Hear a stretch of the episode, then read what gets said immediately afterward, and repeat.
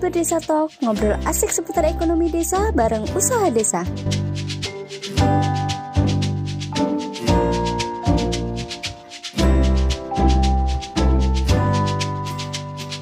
Oke, belakangan ini banyak banget orang yang ingin membuka usaha, tapi uh, mereka berharap ide yang mereka buat ini bisa dijual dan diterima di pasar. Tapi masalahnya terkadang mereka nggak tahu cara membuat bisnis yang baik. Bahkan sekarang uh, pemerintah sejak tahun 2015 itu memaksa desa untuk punya badan usaha milik desa. Permasalahannya lagi adalah terkadang mereka tidak tahu gimana caranya membuat produk yang dapat diterima oleh pasar. Mereka tidak tahu bagaimana cara pemasaran atau juga pengemasan produk atau bahkan mungkin mereka tidak tahu analisis pasar. Nah, hari ini uh, saya bersama dengan CEO Usaha Desa, Mas Aziz Setiawijaya, uh, dalam Berdesa Talk untuk membahas tentang bagaimana usaha desa membantu bisnis untuk tumbuh dengan baik. Oke, selamat siang, Mas selamat Aziz. Selamat siang, Mas Taufik. Nah, lama kita nggak ketemu ya. Oh iya, luar biasa Sejak sekali. WFH ya. Sejak WFH dan sekarang uh, jalanan sudah mulai sepi. Betul. Gimana Bahkan kabarnya Mas Aziz? Kantor kita nih nggak ada kendaraan lewat. Oh iya. Karena jalan diblokir sama warga. Oke, jadi uh, tadi Mas Taufik cerita tentang usaha mik usaha mikro ya. Oke. Atau bumdes yang kemudian banyak banget bikin di, dia dipaksa untuk bikin usaha tapi terus nggak laku. Dan Benar banget. Mereka bikin ini. usaha tapi kadang mereka nggak laku itu gimana itu mas? Nah kita usaha desa waktu itu sempat terlibat dalam beberapa proyek tahun 2017 banyak mendesain atau terlibat di proyek-proyek donor dan pemerintah tentang bagaimana melakukan market assessment. Nah, tapi sebelum itu, kenapa Hmm. kenapa sih eh, kenapa sih usaha desa itu hadir? Waktu itu tahun 2016 kita bentuknya itu marketplace. Mungkin kalau kita bisa bilang ya kayak Bukalapak, Tokopedia dan sebagainya. Oh jadi dulu awalnya marketplace gitu. Betul. Jadi kenapa sih usaha desa hadir waktu itu? Hmm. Kita eh, mungkin agak bodohnya karena nggak tahu ya ternyata ada duit-duit besar yang bermain di dalam eh, investasi marketplace. Tapi Oke. Terlepas dari itu niat mulia kita adalah menghubungkan antara produk-produk bumdes dan produk-produk usaha mikro agar bisa laku. Oke. Karena mereka nggak tahu gimana jualan dan sebagainya. Bahkan dulu kita itu bantu sampai motretin. Sampai motretin. Sampai motretin. Jadi orang-orang tuh kirim sampel produk ke kita, terus kita foto. Oke. Kita foto, kita review gitu. Nah, sebenarnya cukup bagus waktu itu antusiasnya. Cuman ya karena tenggelam ya. Kita juga belum waktu itu belum paham tentang apa tuh search engine optimizer, Hmm. kemudian uh, optimasi marketing dalam Oke. dalam digital nah, akhirnya ya udah kita kayak bunuh diri aja. Nah, Hmm. 2017 usaha desa mulai berpikir untuk menjawab itu semua. Makanya kita punya tiga tiga program. Tiga program Hmm. itu Tiga apa aja? program yaitu uh, edukasi, consulting, market linkage sama uh, nanti ke depannya pendanaan mikro Pendanaan atau peer-to-peer mikro. lending. Oke. Nah, kenapa masalah utamanya? Kita kembali ke masalah utamanya. Kenapa usaha mikro itu gagal? Karena mereka selalu berpikir untuk usaha itu sebenarnya pelarian. Bener nggak? Usaha sebagai pelarian. Pelarian. Misalnya, Pelarian "Oh, apa cocok nih sama bos gua.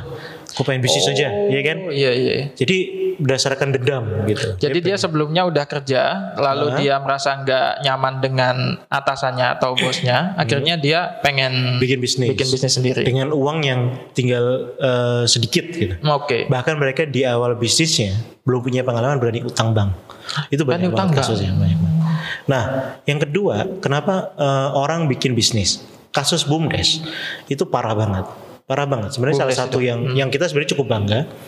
Pemerintah Indonesia punya program namanya Village Own eh, Enterprise atau yang disebut bumdes, Hmm. yang itu sebenarnya salah satu pioner sih di sos di Asia Tenggara. Oh gitu. Nah, nah, cuman faktanya karena nah kita terlibat juga di dalam program-program Kementerian Desa, ada 45 ribu bumdes dari 75 ribu desa yang sudah berdiri, mas. Oh iya, Gila ya. banyak sekali. Tahu nggak yang jalan berapa? Yang jalan berapa itu Mas dari 4 Cuma 15 ribu. 15 ribu. Cuma 15 ribu dari 45 ribu bumdes yang berdiri. Oke. Artinya 30 ribu itu papan nama.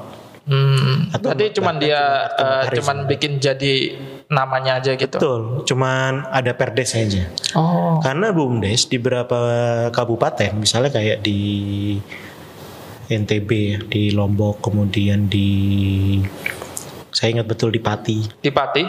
Itu jadi syarat pencairan dana desa. Oh, seperti itu. Gitu. Jadi cuman ya lagi-lagi formalitas. Formalitas. Jadi kayak terminal gitu aja cuman sebagai Betul. tempat transit habis itu ditaruh Betul. untuk pengguna Nah, dana desanya. Saya pernah menganalisa kenapa sih orang gagal bikin bumdes. Kenapa itu Mas? Dan kenapa bumdes? banyak bum, ada beberapa bumdes juga yang berhasil. Yang pertama eh, kita ngomong yang berhasil dulu deh, biar Hmm. orang nggak pada takut nanti. Yang berhasil karena sebelumnya emang si desa itu udah bikin udah bikin bisnis, Udah bikin bisnis. udah bikin bisnis. Yang kedua kepala desanya pengusaha. Oh, Nah saya mention beberapa jadi sosok pengusaha yang punya mental entrepreneurship. Contohnya Panggung Harjo, Pak Wayudi. Kemudian kepala desa Beji Harjo, Biji Harjo. Pak Yanto, pengusaha. Jadi mereka tahu gimana sih creating bisnis atau menjawab menciptakan produk sesuai kebutuhan pasar.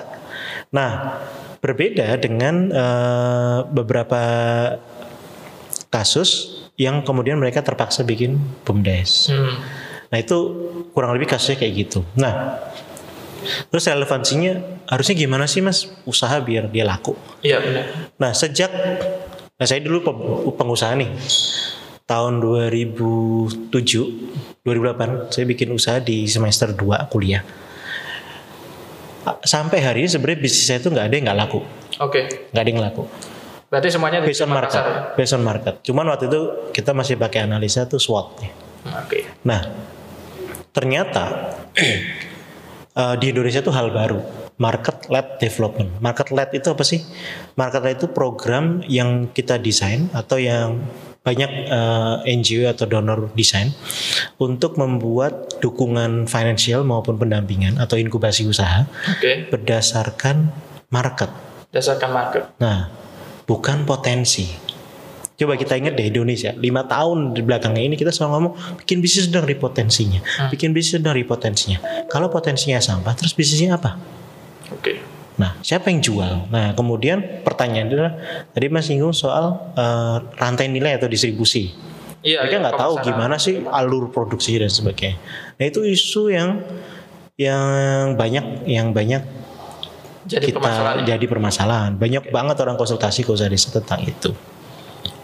Jadi isu utamanya adalah pasar, Mas. pasar ya. Pendekatan pasar atau market led approach, pendekatan pasar. Nah, sehingga eh, misalnya kita bikin bumdes di dulu kita melakukan riset tuh misalnya di desa di kampung kampung apa desa ya? desa Rawasari Di kemudian daerah mana di daerah Muaro Jambi atau Solok ya saya lupa oke. sama satu lagi di desa Sungai Besar di Putusibau. Jadi riset kita ini udah udah Indonesia sebenarnya bukan cuma Jawa. Kalau Jawa orang bikin bisnis banyak lah ya. ya. Iya. Tapi sampai ke Putusibau kita nemuin Putusibau itu Kapuas Hulu, perbatasan Sarawak Indonesia Sarawak. Oh di perbatasan. Perbatasan. Nah itu Ah, itu menurut saya gokil banget sih kepala desanya. Jadi dia sadar bahwa 90% warganya itu petani. oh petani apa itu mas? Petani beras, Mas. Beras. Petani beras. Kan di sana kan Padi di maksudnya. wilayah Marah. Iya betul. Ah, ah. wilayah apa namanya rawa. oh. Mereka bisa panen setahun tiga kali. Setahun tiga kali. Setahun tiga kali. Dan mereka punya embung. Nah saya lihat eh, gimana sih memanfaatkan dana desa yang baik. Itu salah satunya kepala desanya paham bahwa ya mayoritasku, mayoritas wargaku adalah Petani. petani. Jadi ngapain gue bikin bisnis yang aneh-aneh? Oke. Dan dia lihat di situ semua orang ngutang sama tengkulak. Oh gitu. terhadap atas pupuknya, atas bibitnya dan sebagainya. Akhirnya apa yang dia bikin? Toko tani mas, Toko tani. yang bisa diutangin dengan sistem bagi hasil Oke. atau dibayar setelah panen. Oke. Terus ada usaha kedua yang cukup gokil sih menurut gue. Hmm. Pembibitan arwana. Karena dia arwana. wilayah rawa dan airnya banyak dan memang Pontianak terkenal ya sama ikan-ikan yang mahal. Hmm. Arwana terus apa lagi itu? Eh, toman Toman. dan sebagainya. Dan di bawah kantor BUMDes itu Dipakai tempat pembibitan. pembesaran induk eh, arwana dan pembibitan arwana. Oh. Bayangin arwana itu kecilnya aja itu 100 sampai 300 ribu gitu. Oke oke. Satu arwana kawin itu bisa ngasilin 50 sampai 100 Seratus ribu. bibit. Hmm. Jadi bisa bayangin kan berapa pendapatannya. Menurutku itu ide yang cukup cerdas. Berarti pendekatan dia adalah menggunakan pasarnya itu. Pasar, pasar utamanya adalah masyarakat. Oke. Dia nggak mau cari-cari pasar yang lain. Dan alhamdulillah dari situ kita lihat laporan keuangannya pada waktu itu saya cukup fantastis. Saya cukup baru lah waktu itu masuk di usaha desa. Eh, dia udah bisa ngasilin profit gitu loh. 50 sampai 70 juta kalau nggak salah. 50 Padahal modal awalnya cuma 150 juta untuk bikin toko Hmm. tani itu. Menurut saya itu cukup, cukup bagus karena banyak yang gelontorin sampai ratusan juta nggak bisa ngasilin. Nah, nah itu kurang lebih kayak gitu. Jawab nggak pertanyaan itu tadi? Iya, iya. Kita kembali lagi dengan uh, permasalahan usaha ya. Yang pertama kan, ini kan usaha desa kan uh, yang Mas Aziz bilang tadi ingin menyelesaikan masalah-masalah dari Betul. uh, banyaknya mereka yang nggak tahu gimana sih cara bikin bisnis yang benar. Nah, uh, tadi udah disinggung juga bahwa pendekatannya yang dilakukan oleh usaha desa adalah market based approach atau berdasarkan pasar. Bisa nggak uh, Mas Aziz dijelaskan secara lebih uh, rinci kira-kira pendekatan pasar itu gimana sih dan sebenarnya yang uh, sudah dilakukan selama ini kebanyakan itu yang kurang tepat itu menurut Mas Aziz gimana dan seharusnya mungkin pindah ke pendekatan pasar ke pasar gitu Mas. Hmm, saya nggak bisa bilang mungkin kurang tepat atau ada yang paling tepat ya karena Oke. uh, sometimes ketika kita bikin usaha yang sudah tepat sekalipun Hmm?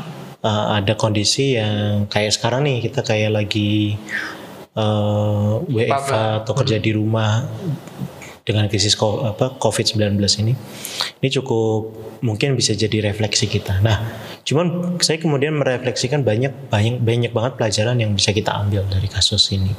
Nah, seperti gimana sih yang tepat ya? Gimana sih cara yang tepat mendirikan usaha? Iya benar. Nah, kita udah nyiptain dua buku yang yang nanti teman-teman gak usah khawatir, bisa beli bukunya. Oke bisa beli bukunya. Kita sedang berusaha gimana jual buku tuh nggak mahal-mahal, gitu. Ah. karena yang lain-lain biasanya jual buku mahal-mahal. Iya. Ini kita coba jual buku yang nggak usah mahal dan interaktif. Jadi nanti Interaktif. banyak eh, apa tuh namanya Ilustrasi-ilustrasinya. ilustrasinya, Gitu. betul ilustrasi atau apa ya lampiran lampiran buat kita ngerjain soal atau bisa difotokopi terserah lah. Nah, yang pertama eh, kalau di level desa kita punya buku namanya Arsitek Ekonomi Pembangunan Desa, Oke. di mana sentralnya adalah kepala desa.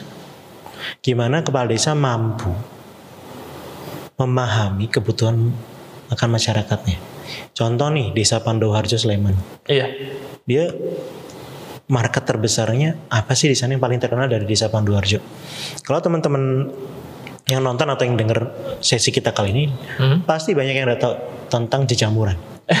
Iya kan? Iya iya. Jejamuran tuh restoran pertama di Indonesia yang salah satu paling gede ya. Ah, Semua menunya cuma jamur. Yang menunya cuma jamur aja. ya? Cuma jamur dan semua aneka jamur ada di situ. Oh gitu. Nah dia tahu bahwa masyarakatnya juga udah cukup modern kaya karena dia dekat kantor kabupaten, dekat kota. Nah, bingung waktu itu bikin bisnisnya apa. Akhirnya memanfaatkan aset yang mangkrak yaitu bangunan TPST 3R. TPST itu tempat pengolahan sampah terpadu. Oke. Jadi eh, yang mereka lakukan adalah yaudah deh gue numpukin sampah dan milah sampah aja. Oh gitu. Nyatanya sampai setahun pertama itu bisa ngasilin PAD loh sampai 30 juta Oh untuk dan desa menyerap gitu ya? ya menyerap karyawan sampai lima orang ngambilin dan sebagainya. Mereka berusaha untuk mendirikan usaha nggak menyaingi usahanya masyarakat. Oh. Ide awalnya itu dan itu bagus. Sampai hari ini mereka konsisten.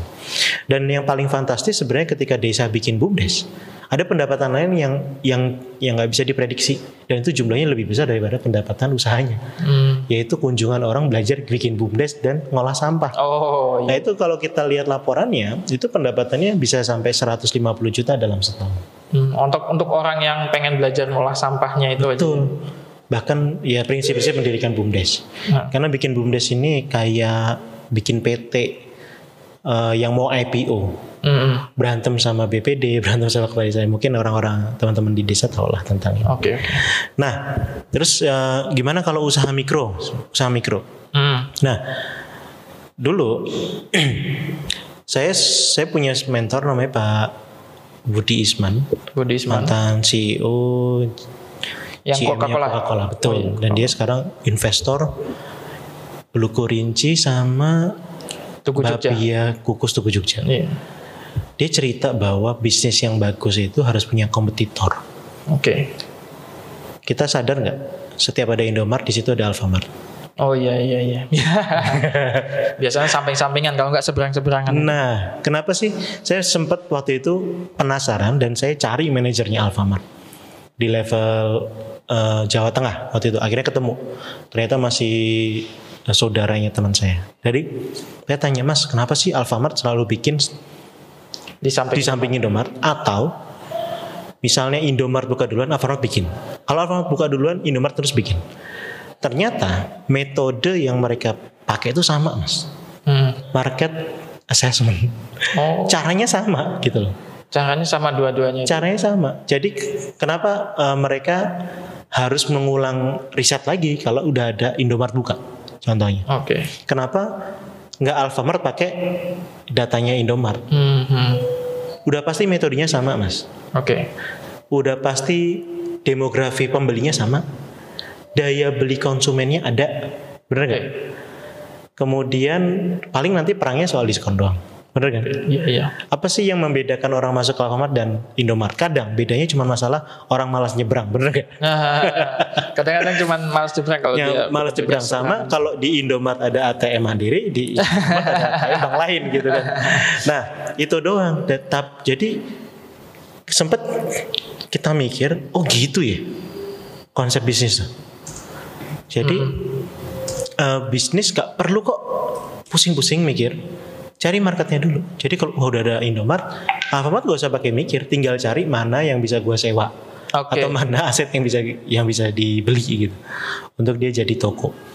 Perhatiin deh Indomart, Alfamart kalau ada yang salah satu buka duluan, nggak ada waktu dalam tiga bulan udah pasti ngikut nyusul. ng- ngikut Bukan. nyusul. Bahkan kalau kita lihat di Jogja nih ya di Jalan Palagan itu Indomart buka ada dua dan itu seberang seberangan, sebelahnya Alfamart. Sebelahnya Alfamart. Artinya apa? Pasar itu terbuka lebar mas. Pendekatannya pasti pasar. Gak mungkin saya suka-suka aja bikin Indomart. Gak mungkin karena investasinya cukup besar ya, 2 sampai 3 miliar Hmm. gitu loh. Nah, coba ilmu itu diturunkan ke usaha mikro. Jadi eh, apa yang dilakukan Alfamart atau Indomart ini diturunkan ke usaha mikro itu. Logikanya kayak gitu. Nah, kita pernah ngelakuin satu bukan satu uji, tapi ini udah real ya. Kita ngelakuin waktu itu usaha desa punya satu unit bisnis namanya Swadesa. Oke. Swadesa ini konsultan atau mitra pendamping untuk pendirian BUMDes Mart, Badan Usaha Milik Desa Mart.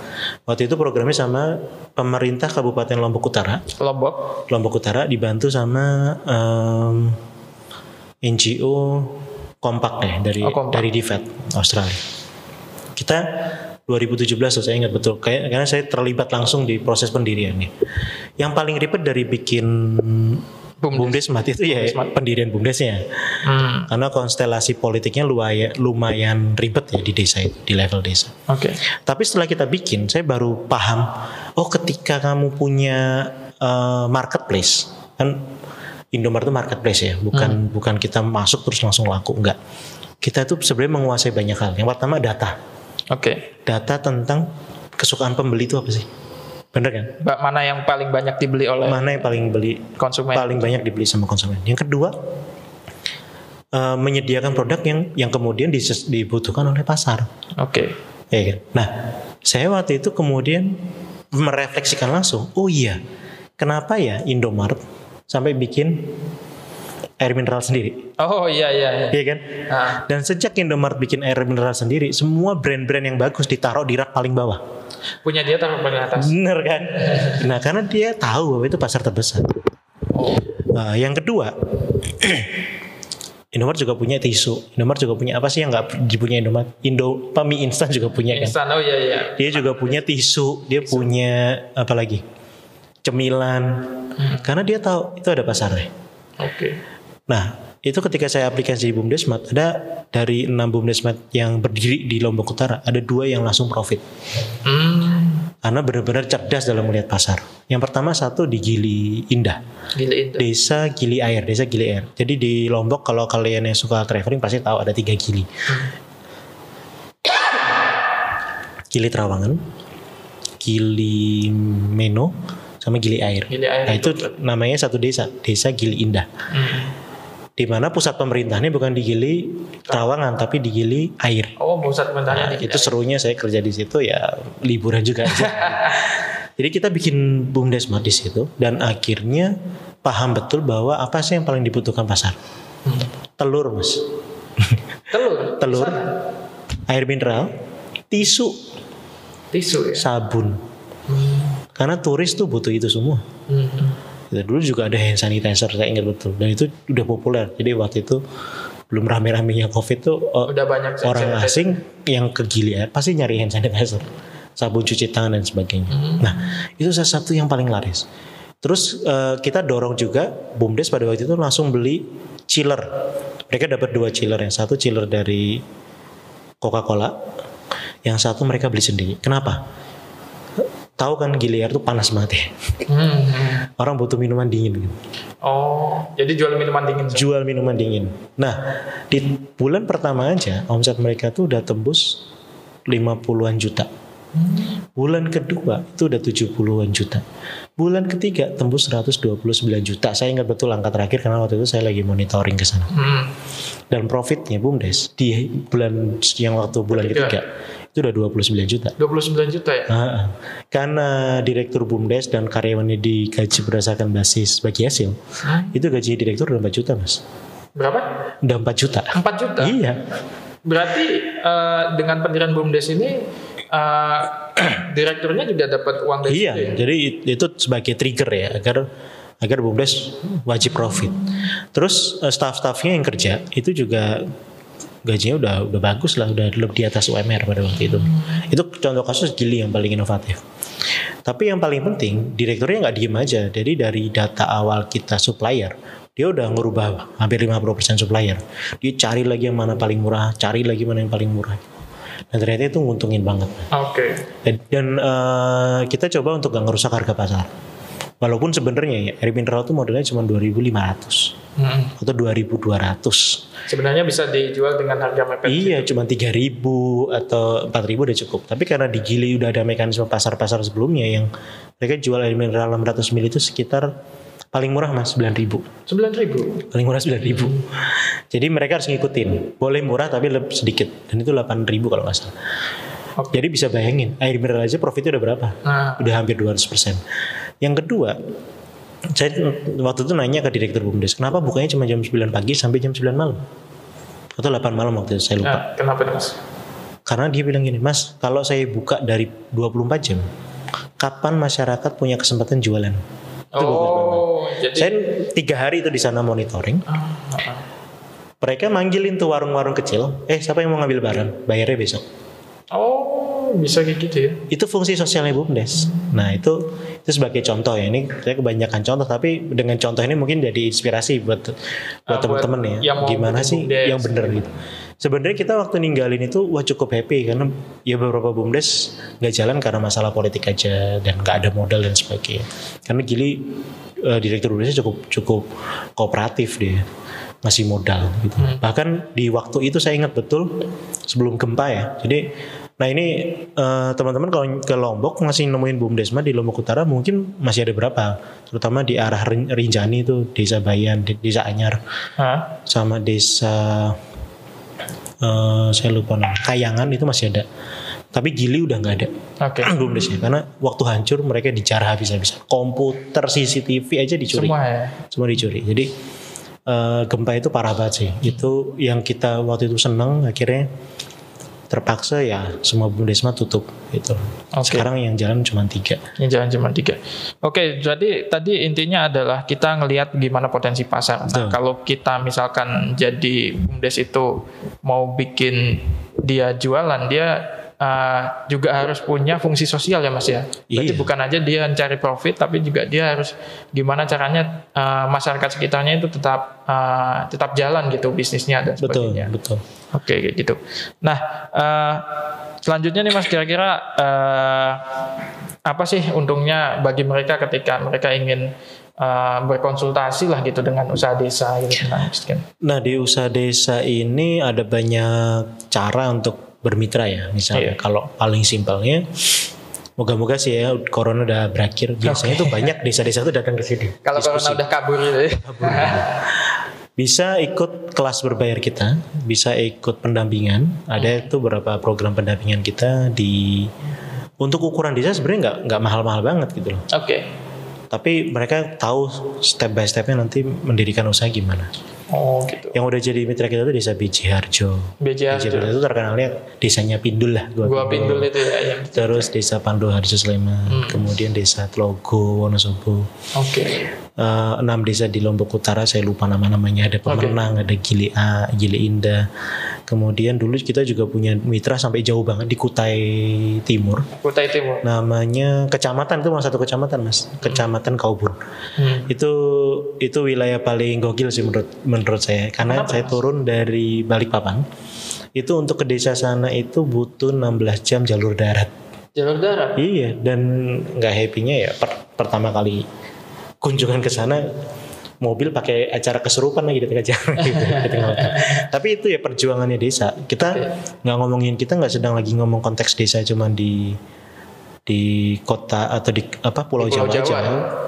Desa-desa lain itu banyak yang punya potensi. Kayak kemarin saya baru pulang dari Lembata sama Mas Taufik kan. Iya iya. Iya, kita ketemu namanya Pak siapa? Pak mana? Clemens. Ah iya Clem. Nah, yang di kepala desa. Nagakewa eh di Nagakewa. Ada Kewa. Agak ada kewa. Ada Kewa. Dia punya teri hadakewa yang keren banget lah. Itu tuh teri rasanya kayak itu kalau bisa dikonekin sama Malaysia kayaknya laku ya jadi terinya buat nasi Iya iya. lemak ya. Per, per apa pengemasannya juga. Kemasannya bagus, udah pakai pakai- udah pakai vakum sealer, Hmm. Prosesnya higienis jemurnya dan wah gila itu. Nanti mungkin kalau ini di YouTube bisa kita edit nanti ya. Ada fotonya ya Iya iya. tentang si produk ini. Ini keren. Cari aja tentang ceritanya Pak Clemens itu di Google kayaknya banyak. Dan kita pernah tulis ya di berdesa.com. Iya iya. Pernah kita Nah. bahas itu. Itu untuk mm, untuk kasus berarti bisa kerjasama gitu ya. ah, Iya. Dengan pelatihan. atau ya teman-teman bisa dengar cek YouTube kita aja. Banyak tuh video tentang cara budidaya, cara bisnis dan sebagainya. Kalau punya masalah bisa konsultasi ke email. Email kita di cs@usahadesa.com. CSF usaha desa. Uh, CS berbeda C cuma- C dan S cs@usahadesa.com. Sama nanti nomor telepon. Nah, mungkin Mas Iya nanti mungkin bisa, bisa tampilin ke ah, di website nomor WA. ya. Tapi tolong jangan WA pakai nomor pakai huruf P atau eh, desa saya dibutuh rencana usaha. Ya udah gitu terus so what gitu. Jadi Jadi intro saya- dulu ya, intro dulu. Betul, lucunya nih, lucunya desa-desa nih ngirim email ke kita, ya itu parahnya kita mas. Nah itu pembangunan belum merata ya. Nah, Banyak yang menanyakan sesuatu tuh langsung di subject email. oh gitu. Ada contoh bisnis plan nggak? Minta dong gitu. Enak banget ya. Maksudnya gini, kita kita pasti akan balas kalau emang eh, emailnya itu serius gitu. Dan kita pernah nanganin hampir 11.000 email. Ingat banget mas. Orang nawarin kelapa. Kelapa atau banyak produk itu. Saya punya eh, saya punya ubi, saya punya beras lah, saya punya jagung 3 ton mau dijual ke mana. Nah itulah itu masalah. Itu isu isu, isu, isu utamanya. Mereka tuh nanam jagung bahkan nggak tahu mau jual ke mana. oh gitu ya. Itu sering banget kita dapat email kayak gitu. Jadi artinya ini ini masalah serius sebenarnya bagi kita dan kita banyak bekerja sama dengan lembaga sekarang dengan Kementerian Sosial untuk bikin program kewirausahaan sosial yang berbasis market pendekatan pasar. Hmm. Terus kita juga waktu itu ngedorong salah satu eh, eh, Kementerian Desa untuk eh, di, di buku buat dan kelola BUMDes yang terbaru. Nah, Kementerian Desa itu yang bikin kita Oh gitu. kita rubah basisnya adalah pasar. Terus kita juga nyiptain buku yang nanti teman-teman bisa beli tentang gimana sih mendirikan eh, bumdes.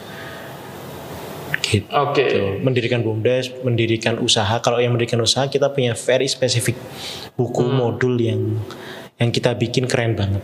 Nah, Itu baru bikin ya, bukan bikin itu jadi sustain, tapi ternyata bisnis bisa loh dibikin dalam waktu 16 jam. Hmm. 16 jam kerja karena kan kita juga butuh tidur.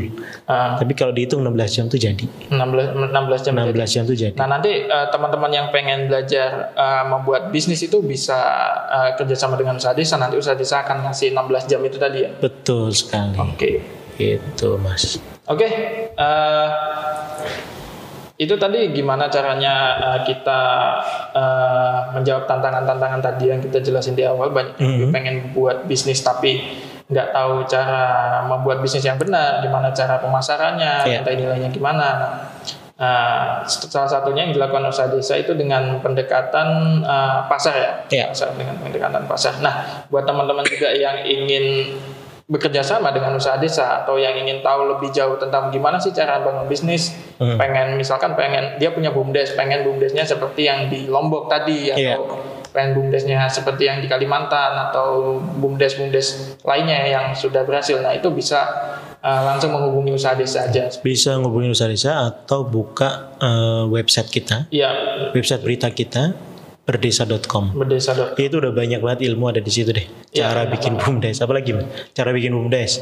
Bahkan yang terbaru kita upload eh, apa tuh ya? Eh, apa yang harus dilakukan usaha mikro dalam menghadapi krisis corona. Ada kan tuh? Ah, iya, iya, iya. Jadi bener-bener update dah itu di sana. Iya. Itu Kita- paling gratis dan paling gampang ya udah buka berdesa.com. Iya, kita akan berusaha membuat eh, apa membahas isu-isu yang update sih di Iya. berdesa.com itu sendiri. Oke, seperti itu. Eh, terima kasih. Mas Terima kasih Mas Taufik. Oke, sampai ketemu di eh, episode selanjutnya. Kita akan membahas hal-hal seru lainnya eh, di episode mendatang. Terima Oke, kasih. Terima kasih. Salam berdesa. Salam Merdesa.